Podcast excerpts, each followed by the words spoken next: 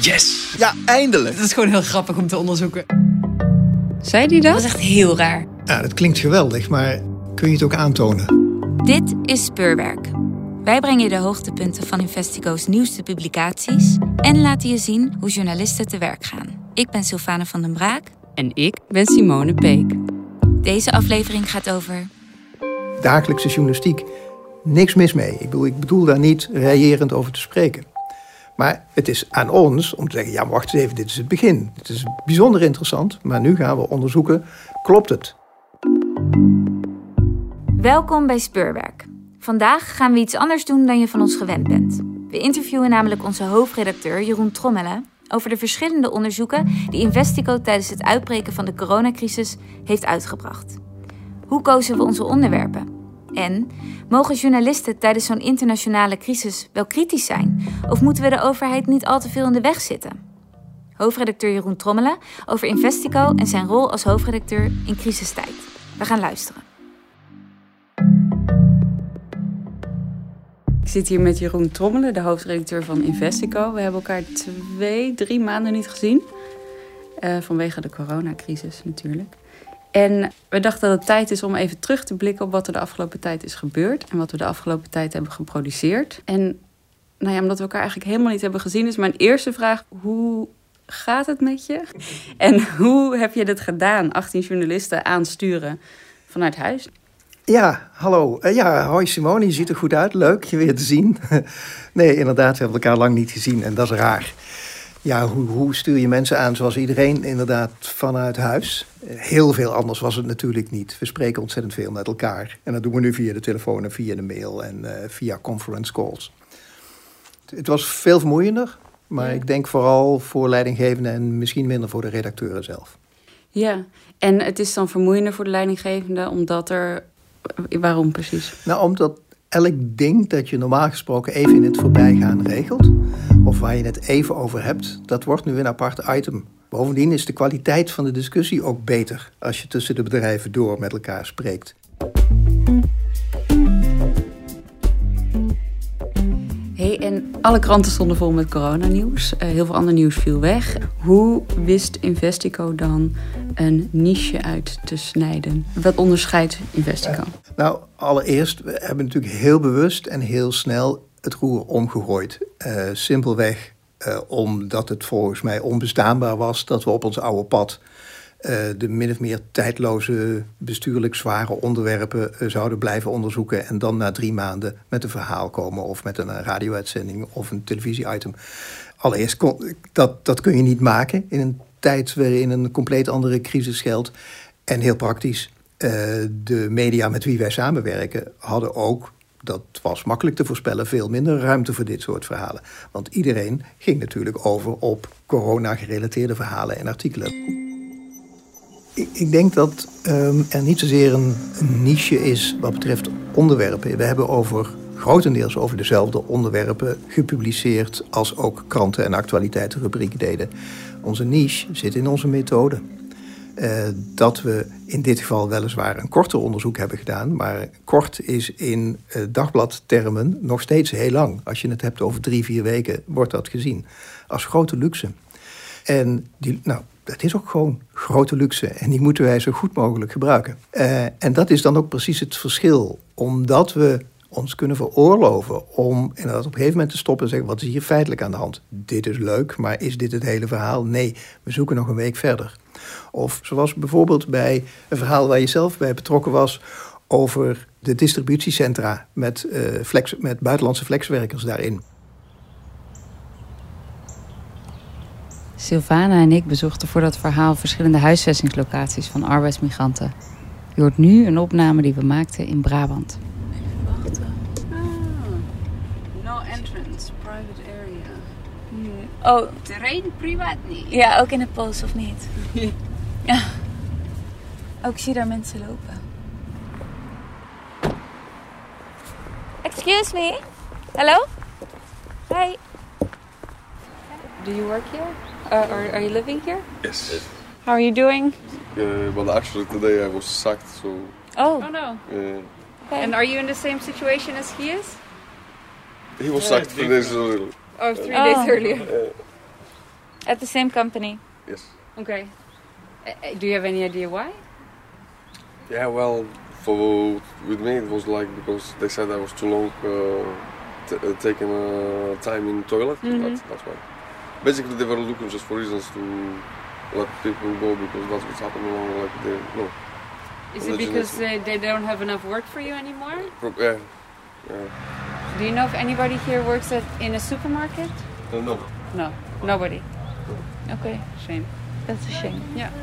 Uh, I was speaking with uh, my chef, and he said that uh, yeah, you have to leave uh, the property. It's Okay. not possible here. Outside, maybe not in the terrain. It's Okay. okay, but not not here. Okay. All right. Okay, Okay. Thank you. Thank you. Okay, Thanks. thank you. Nou. We zijn allemaal heel nieuwsgierig. Ja, ze zijn super nieuwsgierig. Mensen willen heel graag met ons praten, maar Dat mag niet.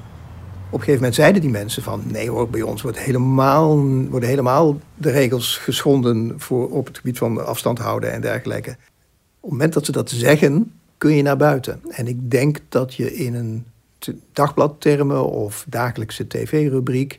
dat dat ook voldoende was geweest. Als mensen dat zeggen, dan is dat op zich een signaal. Dan kun je een item mee maken. Vervolgens ontkent misschien dat bedrijf dat... En vraag je aan een controlerende instantie van waarom controleert u niet? En dan krijg je een vaag antwoord. Dat is, dat, dat is dagelijkse journalistiek. Niks mis mee. Ik bedoel, ik bedoel daar niet reëerend over te spreken. Maar het is aan ons om te zeggen, ja wacht eens even, dit is het begin. Dit is bijzonder interessant, maar nu gaan we onderzoeken, klopt het? We laten bewijsmateriaal verzamelen van mensen op de werkplek. Mensen kunnen zoveel zeggen, maar stuur ons foto's, stuur ons materiaal. En dat deden ze. Ehm, vervolgens gingen we achterhalen van waarom wordt er niet gecontroleerd? En dan, dat, het eerste antwoord is altijd vaag. Maar jullie hebben onderzocht hoe het werkelijk zit. En dan kom je op een bizarre situatie over controleinstanties die helemaal geen verantwoordelijkheid voelen voor het, het werk op deze werkplekken. Bizar. Maar dat moet je wel boven water hebben. En als je dat allemaal in één verhaal kunt publiceren, dan heb je gewoon een goed verhaal. En ik vond het ook heel bijzonder dat, ik geloof dat de kop boven het verhaal was van het zal niet lang meer duren voordat dit spaak loopt. En in het weekend dat we het publiceerden, liep het spaak voor de eerste vleesverwerkende industrie waar de coronabesmettingen waren.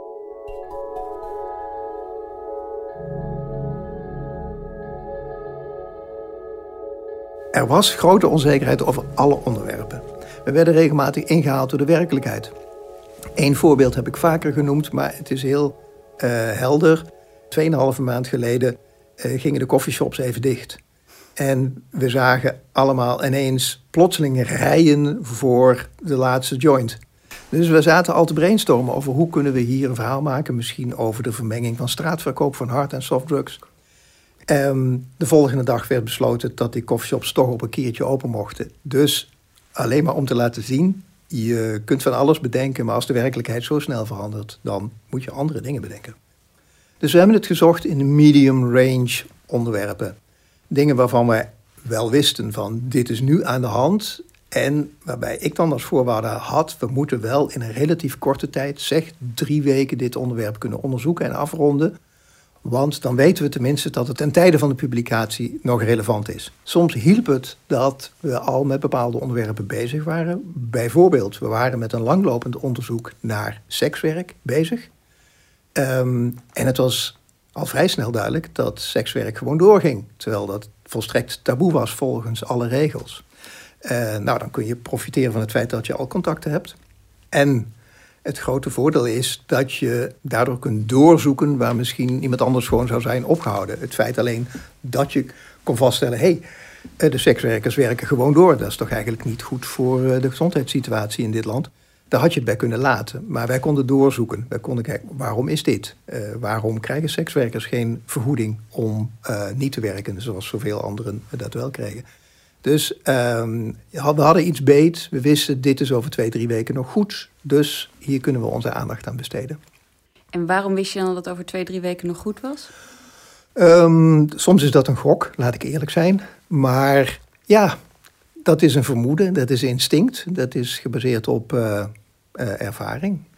En dan nog kun je nog wel eens misgrijpen natuurlijk. Ja, en wat definieert een medium range project. Is dat een, een, tijdstechnisch iets? Van we moeten het binnen drie weken kunnen doen? Ja, daar, dat, daarmee bedoel ik inderdaad op de tijd. Uh, kijk, normaal gesproken kunnen onderwerpen bij ons wel drie maanden duren. Helder dat dat niet zou moeten lukken. Uh, in dit geval dus binnen een maand moet je iets kunnen afronden. En soms hebben we wel zitten bibberen. Van dan hadden we al een halve een halve conclusie waar we op zich al een interessante productie over zouden kunnen maken. En dan toch wil je graag nog eventjes wachten. En dan begin je wel soms te twijfelen van is dit over een week nog wel uh, relevant? Is het nog wel waar? Is er niet iets heel nieuws overheen gekomen? Dus dat was wel een constante zorg.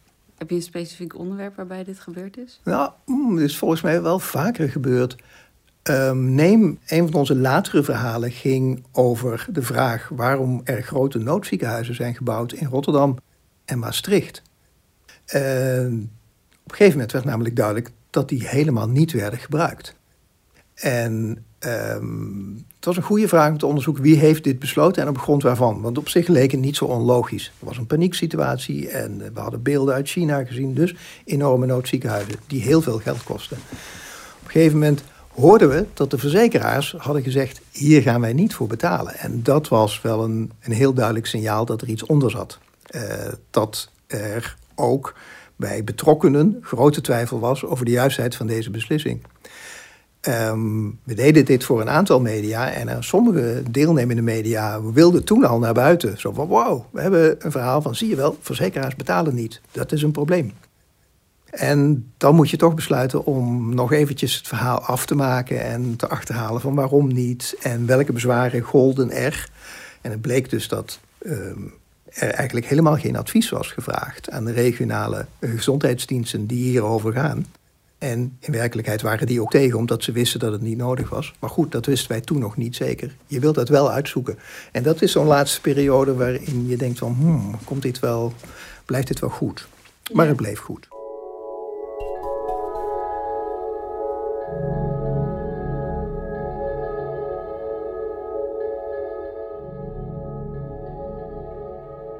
Ik wil naar een verhaal dat er niet kwam. Het verhaal dat er niet is gekomen is het verhaal dat vertelt dat uh, de meest getroffen uh, gebieden met corona in Nederland, met name in Zuid-Nederland, dat die gebieden op de kaart grote overeenkomst vertoonden met de gebieden die voorheen het sterkst waren getroffen door Q-koorts. Dit begon met een tip van een lezer en toen al wilden wij iets doen met het verschijnsel zoonose in Nederland. Uh, want we hebben immers een hele intensieve veehouderij en de kans dat hier ziekten overspringen van dier op mens is vrij groot. Dus we kwamen in gesprek met experts op het gebied van Q-koorts, uh, die uh, in het begin die hypothese onderschreven. Die zeiden van ja, dat is inderdaad wel heel bijzonder, want sommige gebieden, Noordoost-Brabant met name, daar is toevallig of niet ook een, een hotspot van corona. En um, er was ook, of er leek in elk geval, een logische verklaring, omdat deze hotspots van Q-koorts hebben uh, vage klachten achtergelaten. Vage in de zin van, we weten niet precies wat het is, maar ze zijn wel echt op het gebied van longklachten. En het zou eigenlijk heel logisch zijn, corona is ook een, een ziekte die op de longen slaat. Dus mensen zijn eerder uh, bevattelijk. Er waren ook medici, een huisarts in de regio, uh, die zei van ja, dit lijkt er wel heel erg veel op. En het zou een spectaculaire conclusie zijn geweest. Maar ook hier moesten we natuurlijk ondersteuning vinden voor deze theorie. En het bleek al snel dat er andere experts waren. Er zijn in Nederland twee of drie experts die op dit gebied toevallig alles weten. En we hebben ze alle drie gesproken. En uiteindelijk zeiden ze alle drie: ben voorzichtig. Want uh, deze conclusie kun je niet waarmaken. Sowieso is de groep mensen om wie het gaat, dus de vage longklachtengroep, is zo klein dat je er uh, heel moeilijk wetenschappelijke uitspraken over kunt doen. En ondertussen veranderde het kaartje van de sterke corona-gebieden, uh, die veranderde ook nogal. En er stonden sowieso ook gebieden op waar nog nooit een geit was gehouden. Dus er waren ook wel contra-indicaties. En uiteindelijk hebben we ervoor gekozen om een goede afweging te maken. Willen we een spectaculair verhaal naar buiten brengen waarvan we eigenlijk niet zeker weten dat het klopt? Of maken we het verhaal wat we echt kunnen maken in dit geval? En dat was ook een heel goed verhaal, want dat zoomde inderdaad in op het feit dat er in Europa, in de intensieve veehouderij, de afgelopen 30 jaar, maar twee uitbraken zijn geweest van zoonose. En dat was alle twee in Nederland. Het was de Q-koorts en daarvoor was het de vogelgriep. Dat verhaal, daarvan weten we in ieder geval zeker dat de informatie die daarin staat, daar stond iedereen achter. Dat is een waar verhaal. Dat had ik van het andere nog niet kunnen zeggen. En er is wel een onderzoek aangekondigd naar de relatie tussen intensieve veehouderij en uh, de verspreiding van het coronavirus. Is daar aanleiding toe op basis van wat, wat jullie nu weten? Is dat een relevant onderzoek? Of is dat meer gevoelsonderzoek dan ook, zoals je net zegt? Ja, nou, de experts zoals wij ze spraken, die kwamen met te veel informatie uh, die dat verhaal niet onderbouwden. Of eigenlijk zeiden van, het lijkt wel zo, maar het is waarschijnlijk niet waar. Uh, dus ik heb er geen moeite mee om het dan te laten zitten. Ik bedoel, niet iedere expert is in het geheim een leugenaar. Nee, over het algemeen willen mensen echt ons vertellen wat ze weten. En ze nemen ons serieus, is mijn ervaring. Dus dat moeten wij dan ook doen. Dus misschien is dat dan meer een afweging uh, dat, er, dat er geen journalistieke aanleiding was om er verder naar te kijken. Maar nou ja, volksgezondheid technisch gezien kun je misschien maar beter alles uitsluiten als de overheid zo'n onderzoek gaat doen, is dat misschien ook om uh, onrust in de samenleving weg te halen. Ik bedoel, er zijn andere media geweest die dit verhaal wel hebben gebracht, of met minder voorzichtigheid. Of, nou ja, en dan ontstaat er weer een nieuwe werkelijkheid waar de overheid iets mee moet. Dus ja, dan komt er zo'n onderzoek. Ja. Um, ik, ik begrijp dat dan wel, maar ja, wij zagen de aanleiding dus niet.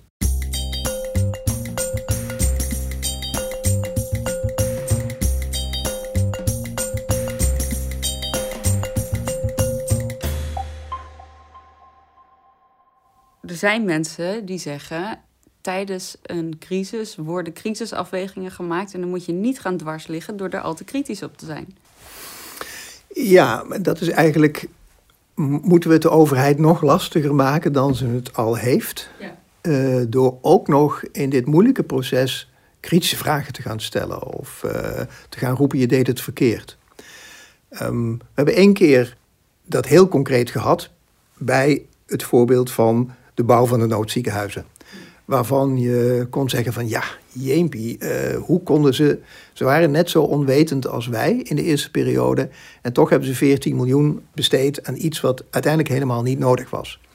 Dan kun je denken van, waarom zou je ze daar nu mee lastigvallen? Maar goed, ik vind toch dat het moet. Kijk, en ooit wordt die evaluatie toch gemaakt. En dan kan er maar het beste fatsoenlijke informatie op tafel liggen voor die evaluaties. En ik denk dat onze kritische journalistiek, zoals heel veel andere uh, journalistiek, een basis is voor evaluaties die toch gemaakt zullen moeten worden. En zo zie je dan dus de rol van de journalistiek als voorbereidend werk voor de evaluatie van later. Ja, in de hoop dat hij komt. En als hij niet komt, dan moeten we hem zelf gaan maken natuurlijk. Maar uh, ik neem aan dat we op een gegeven moment toch wel de rekening gaan opmaken. Wel heel letterlijk, denk ik. Maar ook van beslissingen.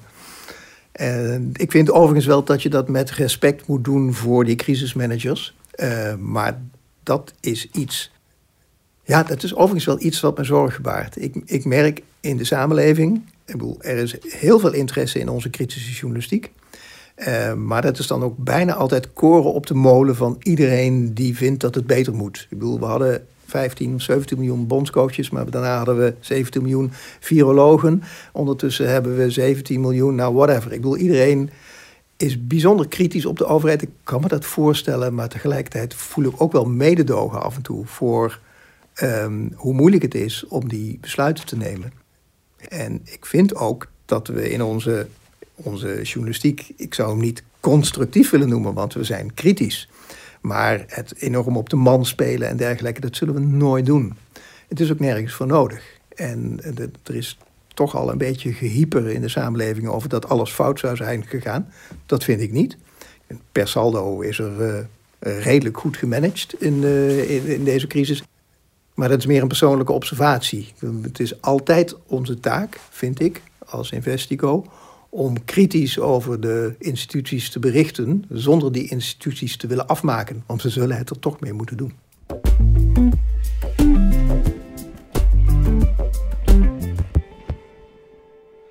Kun je iets delen van een interessante impact die je hebt gezien, uh, gevolg van een verhaal?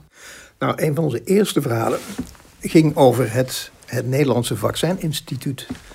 Uh, dat is een bizarre werkelijkheid die we in het begin achterhaalden. Namelijk dat dat instituut, dat, dat die vele jaren lang, bijna een eeuw lang Nederlands trots is geweest, op het punt stond om geprivatiseerd te worden. Eigenlijk was dat proces al gaande. Waren op zich wel goede reden voor, maar ook heel veel goede reden om het niet te doen. Uh, het was voor ingewijden bekend, maar het grote publiek en zelfs Kamerleden wisten dit niet.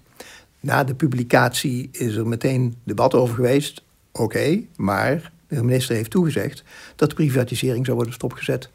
Althans voor dat moment. Dus dit moeten we wel bijhouden.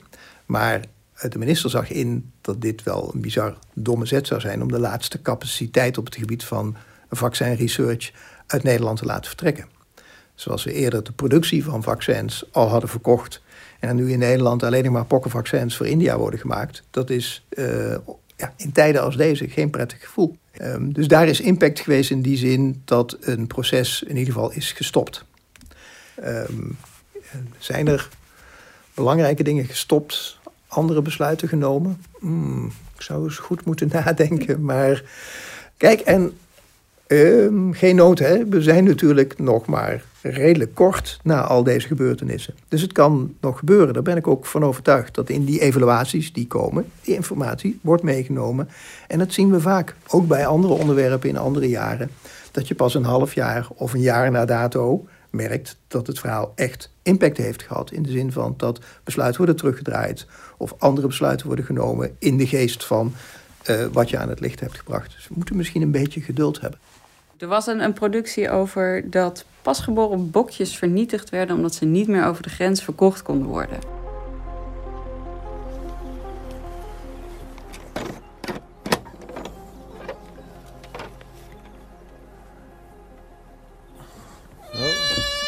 Oh. Ach, jochie. Een heel klein geitje. Hoe oud, hoe oud is deze nou? Acht dagen. Acht dagen. Dat is wel heel, heel uh, jong, hè? Ja, het zijn uh, jonge bokjes, ja. En deze gaan, deze gaan nu richting de slacht? Ja. Dat vond ik best wel een schokkend verhaal. Te meer omdat je gewoon de hele het beeld van pasgeboren bokjes in je hoofd hebt. Die helemaal voor niets afgemaakt worden, omdat er gewoon geen vlees op zit. Uh, normaal gesproken werden ze over de grens verkocht en dan werden ze daar vet gemest om alsnog uh, in bepaalde mediterrane keukens gebruikt te worden. Ik, ik vroeg me af, is er iets gebeurd daarmee? Ik denk dat de praktijk, ehm, dat dat voorlopig zo zal blijven. Ik bedoel, ons verhaal daarover zal deze praktijk uh, niet veranderen. Um, we kwamen er toevallig achter dat dit ook een corona-onderwerp is. We wisten al dat er voor jonge bokjes bijna geen markt is. Ik bedoel, geiten die leveren melk en geitenmelk is een uh, populair product. Maar die bokjes die geven dat niet, dus die zijn eigenlijk ongewenst. En nu dus de export naar Oost- uh, of Zuid-Europa wegviel, was de laatste reddingsboei om nog een paar van die bokjes een nuttige bestemming te geven, was weg. Dat was het verhaal. En dus werden ze eigenlijk als baby geslacht en vernietigd. Dat is ook het verhaal. Um, volgens de sector zelf zouden ze in het dierenvoedsel, dus zeg maar petfood, terechtkomen. We ontdekten dat dat bijna niet zo is. Dus het gaat echt om het vernietigen van, uh, van levende dieren. Of van dode dieren, geslachte dieren. Zonder enig nut. Um, ja, uh, ik denk dat we daarmee de vinger nogmaals op de zere plek hebben gelegd. En het aardige was dat met name de geithouders heel blij waren met dit verhaal. Want die uh, hebben hun eigen lobby om meer van deze bokjes op hun eigen bedrijf te mogen houden. Terwijl ze dat nu niet mogen. En dat heeft weer te maken met een ander onderwerp waar we ook over hebben geschreven, namelijk die Q-koorts. Vanwege Q-koorts, groot probleem in Nederland, is de omvang van de geitenhouderij beperkt. Die geitenhouders die willen dat niet, die willen juist meer stallen. Die mogen ze niet hebben. En omdat ze die stallen niet hebben, is ook een reden dat die bokjes weg moeten. Ze kunnen ze zelf niet afmesten. Nou, zo grepen verschillende onderwerpen in elkaar. En uh, je zult zien dat de lobby voor uitbreiding van geitenstallen nu plaatsvindt. En dat anderen ervoor zullen pleiten om um, ja, de geitenhouderij juist in te krimpen. Om te voorkomen dat dit nog vaker zal gebeuren. Dus ook hier is het weer een lopend proces. Uh, hoe dit afloopt, weet ik niet. Maar het was wel heel belangrijk dat iemand het vaststelt. Maar ik begreep ook uit het stuk dat het eigenlijk verboden is om zulke jonge bokjes Wij af te maken. Inderdaad, je mag dat tot een bepaalde leeftijd, of zeg maar, als ze nog maar een paar dagen zijn, dan mag je ze niet eens naar het slachthuis brengen. En we hadden bronnen op die slachthuis die zeiden, jawel, ze komen heel vroeg. En we hadden andere bronnen die zeiden, daar is een administratief trucje voor om ze op papier eerder te laten geboren worden. Dus waardoor ze ouder lijken en ze toch meteen naar het slachthuis kunnen om daarna de destructie in te gaan. Ja, dat mag niet. Um, je zou denken dat dat beter wordt gecontroleerd. We weten niet of dat zo is. Um, en dan is weer de vraag van, gaan wij dat over een maand of twee misschien opnieuw onderzoeken? Gaan we daar opnieuw een verhaal van maken? Nou, wie weet. Ik sluit niets uit. Gaat uh, Investico nog een finale afweging van de werkelijkheid van de coronacrisis al geheel maken? Nou, dat denk ik niet, want uh, dat klinkt ambitieus en dat is het ook. Maar het is wel duidelijk dat ondertussen we van een gezondheidscrisis in een, uh, in een vermoedelijke financiële crisis gaan. En daar moeten we wel echt proberen om de grote lijn in te vinden. En uh, dat wordt de uitdaging.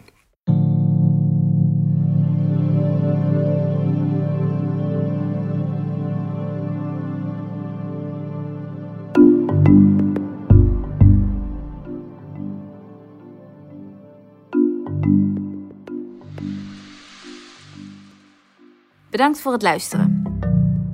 We zijn benieuwd wat je van de uitzending vond. Dus laat alsjeblieft een recensie achter in de podcast-app en abonneer je op Speurwerk.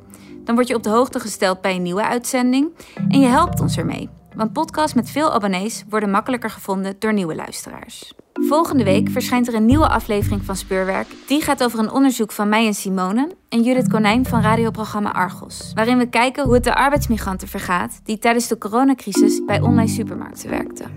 Tot dan.